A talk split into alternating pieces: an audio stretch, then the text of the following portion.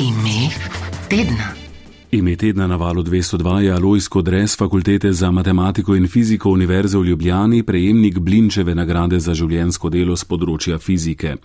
Je pionir uvajanja raziskav na področju rentgenske absorpcijske spektroskopije in velik promotor fizike ter znanosti nasploh.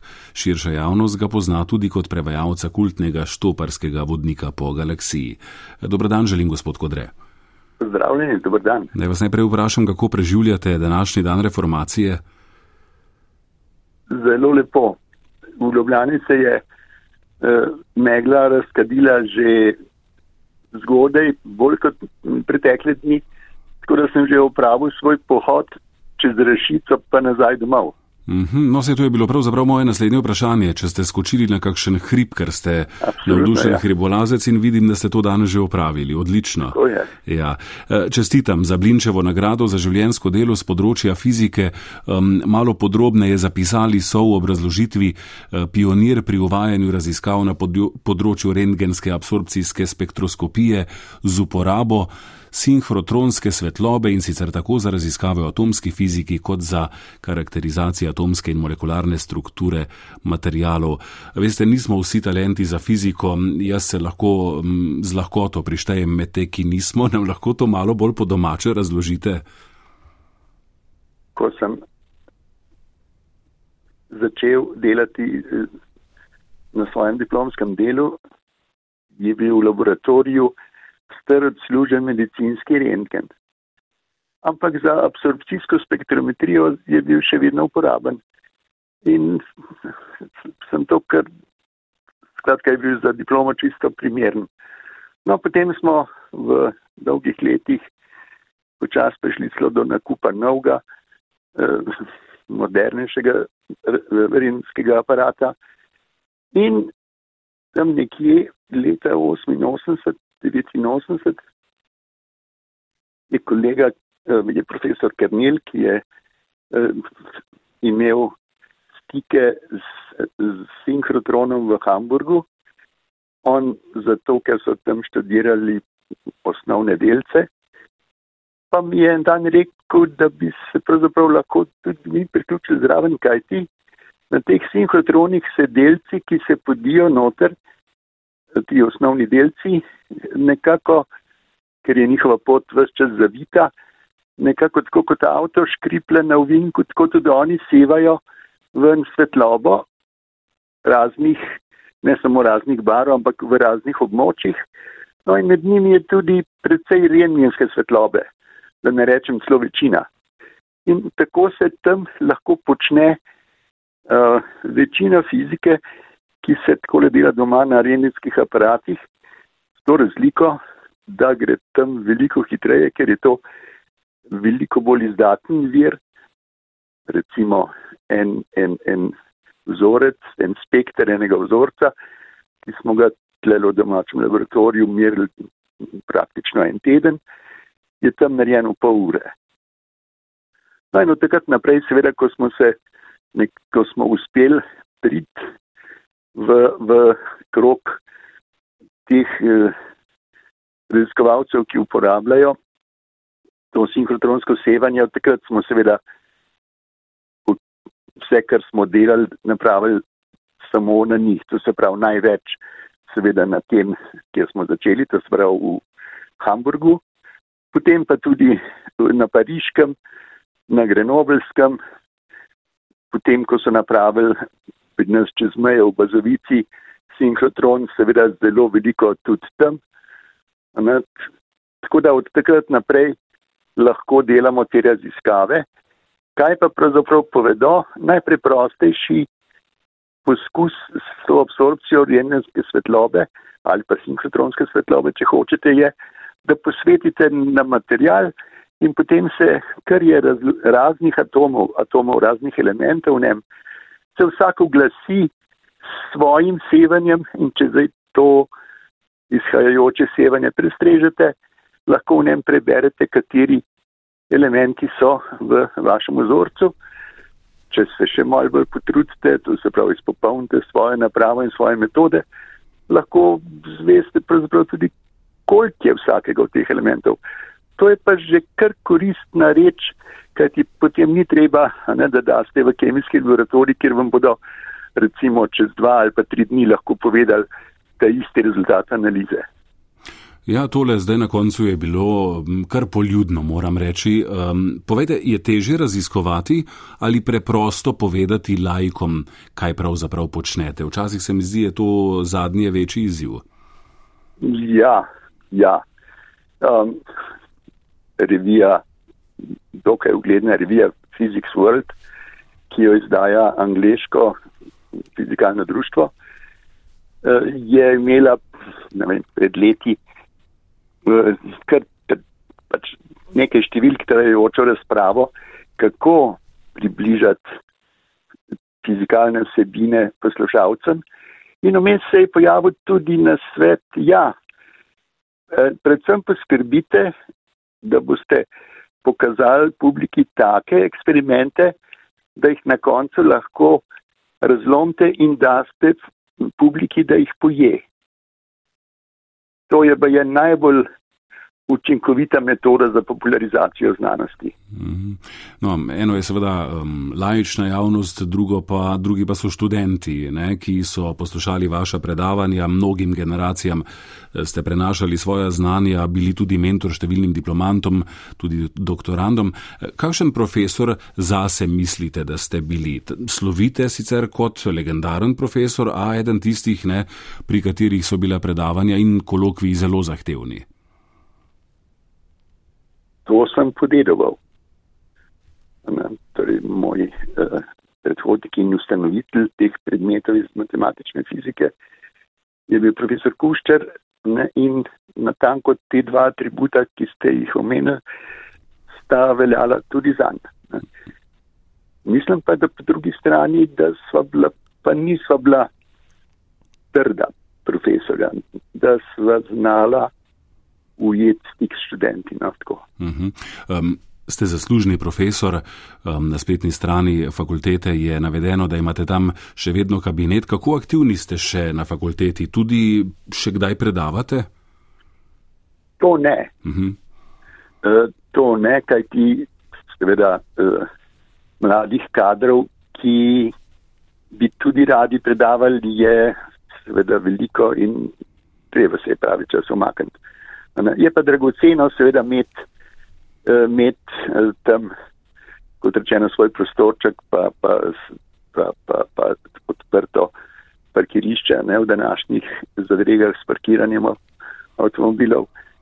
In do, do COVID-a sem bil tam kar pogosto, ker je bilo zelo prijazno ne, na svojem starem delovnem mestu napraviti kakšne stvari, ki so se recimo iz raziskovanja.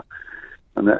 Ampak eh, potem je pa ta COVID vse skupaj obrnil na glavo, ne. tako da bom moral zdaj spet začeti eh, nekoliko več obiskovati svoj prostor. Tako da zdaj recimo tipično je, zagotovo sem tam enkrat na teden, ne. ampak bi bil rajši več. Uh mhm. Kakšen je po vašem mnenju položaj naravoslovne znanosti v današnjem času? Konkretno, morda fizike je dovolj, se vam zdi, mladih, nadarjenih dijakov, ki so se pripravljeni spopasti s predvidevam kar težkim študijem fizike?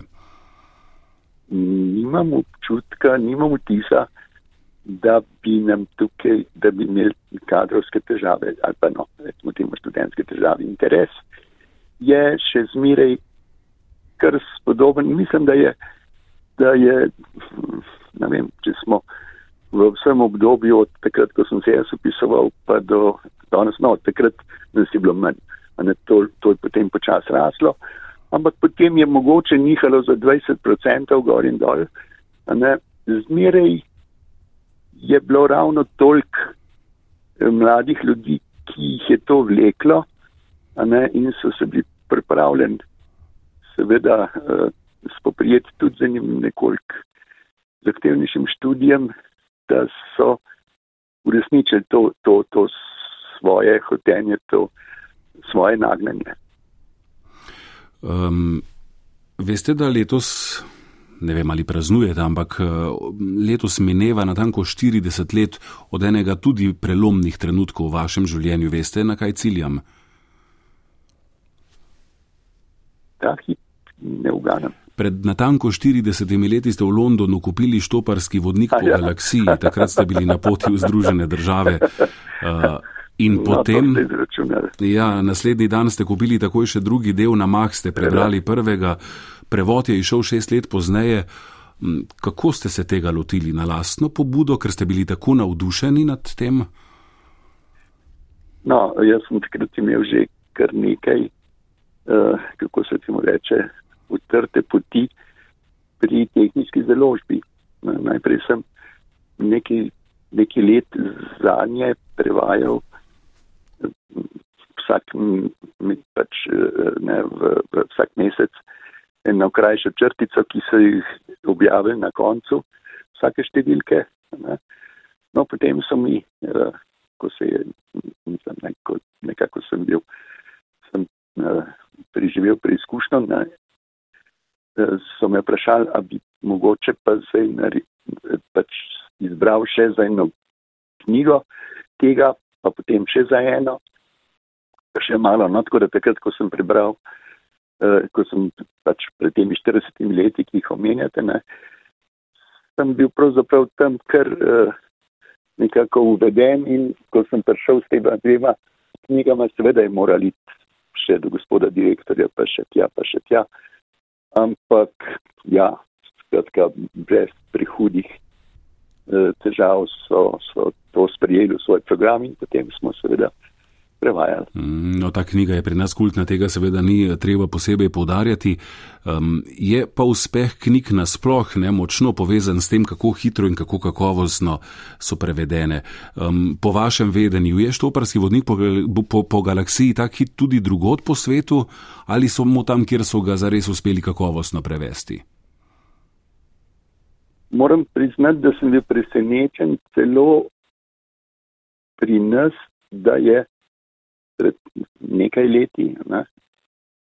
Um, Mariborska založba Pivec na, to izdala na novo. Ne. Se mi je zdelo, da zdaj ni več tistih generacij in tile mladi sedanjega časa so pač od televizije in podobnega vzgojeni v drugem bolj na področje, ki se mu reče fantasy, ne, uh, ki se seveda odlikuje na, na ekranu s svojo vrtitostjo, s tehničnimi pripomočki in vsem. Ne.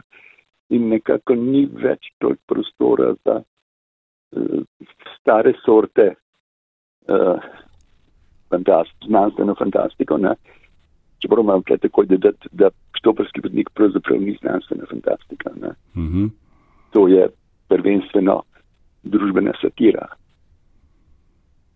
Ne, da, In kako uspešna je bila ta ponovna izdaja? Mislim, da se nič ne pritožujejo. Ne? Mm. se mi zdi, da je bilo že tudi, da je bil tudi že ponatis. Ja, kaže, da je. No, po drugi strani pa vidim, potem, ko je čas vladalo zatišje, ne, pri nas na šoli, na, se pravi na fakulteti, ne, eh, smo, se je 25. maja vedno pojavila na drogu za zastavo, se je pojavila brisača.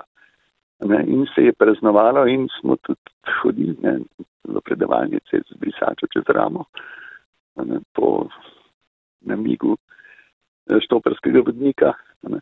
No, potem je ta praznik malo usahnil, ampak videvam, da se to spet obnavlja in prav letos sem dobil in za naslednje leto sem celo že povabljen, ker bodo poskušali še malo bolj živahno uh, obnoviti, uh, da naj nikar ne pozabim priti zraven. Ja, dan brisače, 25. maj, na dan ja. smrti Douglasa Adamsa, torej avtorja štoparskega vodnika po galaksiji. Gospod Alojs Kodrej je ime tedna na valu 202, kot rečeno, prejemnik Blinčeve nagrade za življensko delo z področja fizike. Jaz se vam lepo zahvaljujem, da ste si vzeli na današnji praznični ponedeljek čas tudi za val 202 in za ta prijeten pogovor. Želim vam še veliko tudi uspešnih pohodniških dni. Ne? Imate v načrtu v prihodnih dneh, ko se obeta, obetajo lepi dnevi, še kakšen poseben um, hribovski podvig? Večinoma, veste, uh, v zadnjih desetih letih so te naše gore in hribi nenavadno zrasli, skratka, če dalje težje. Ne, da, ampak ja, tukaj v, v tej okolici ne, tega dosega, recimo tam nekje na sredini karavan, ki so moji, še iz, iz seveda iz otroških najbolj priljubljeni tereni in tja, do tja še lepo sežem in verjetno bom še tega obiskal. Veliko užitkov vam privoščim ob tem in tudi ob spoznavanju novih odkritij na področju fizike. Ne dvomim, da jim redno sledite. Hvala lepa še enkrat za, za ta pogovor in vse dobro vam želim. Lepa hvala vam. Srečno nasvidenje. Nasvidenje.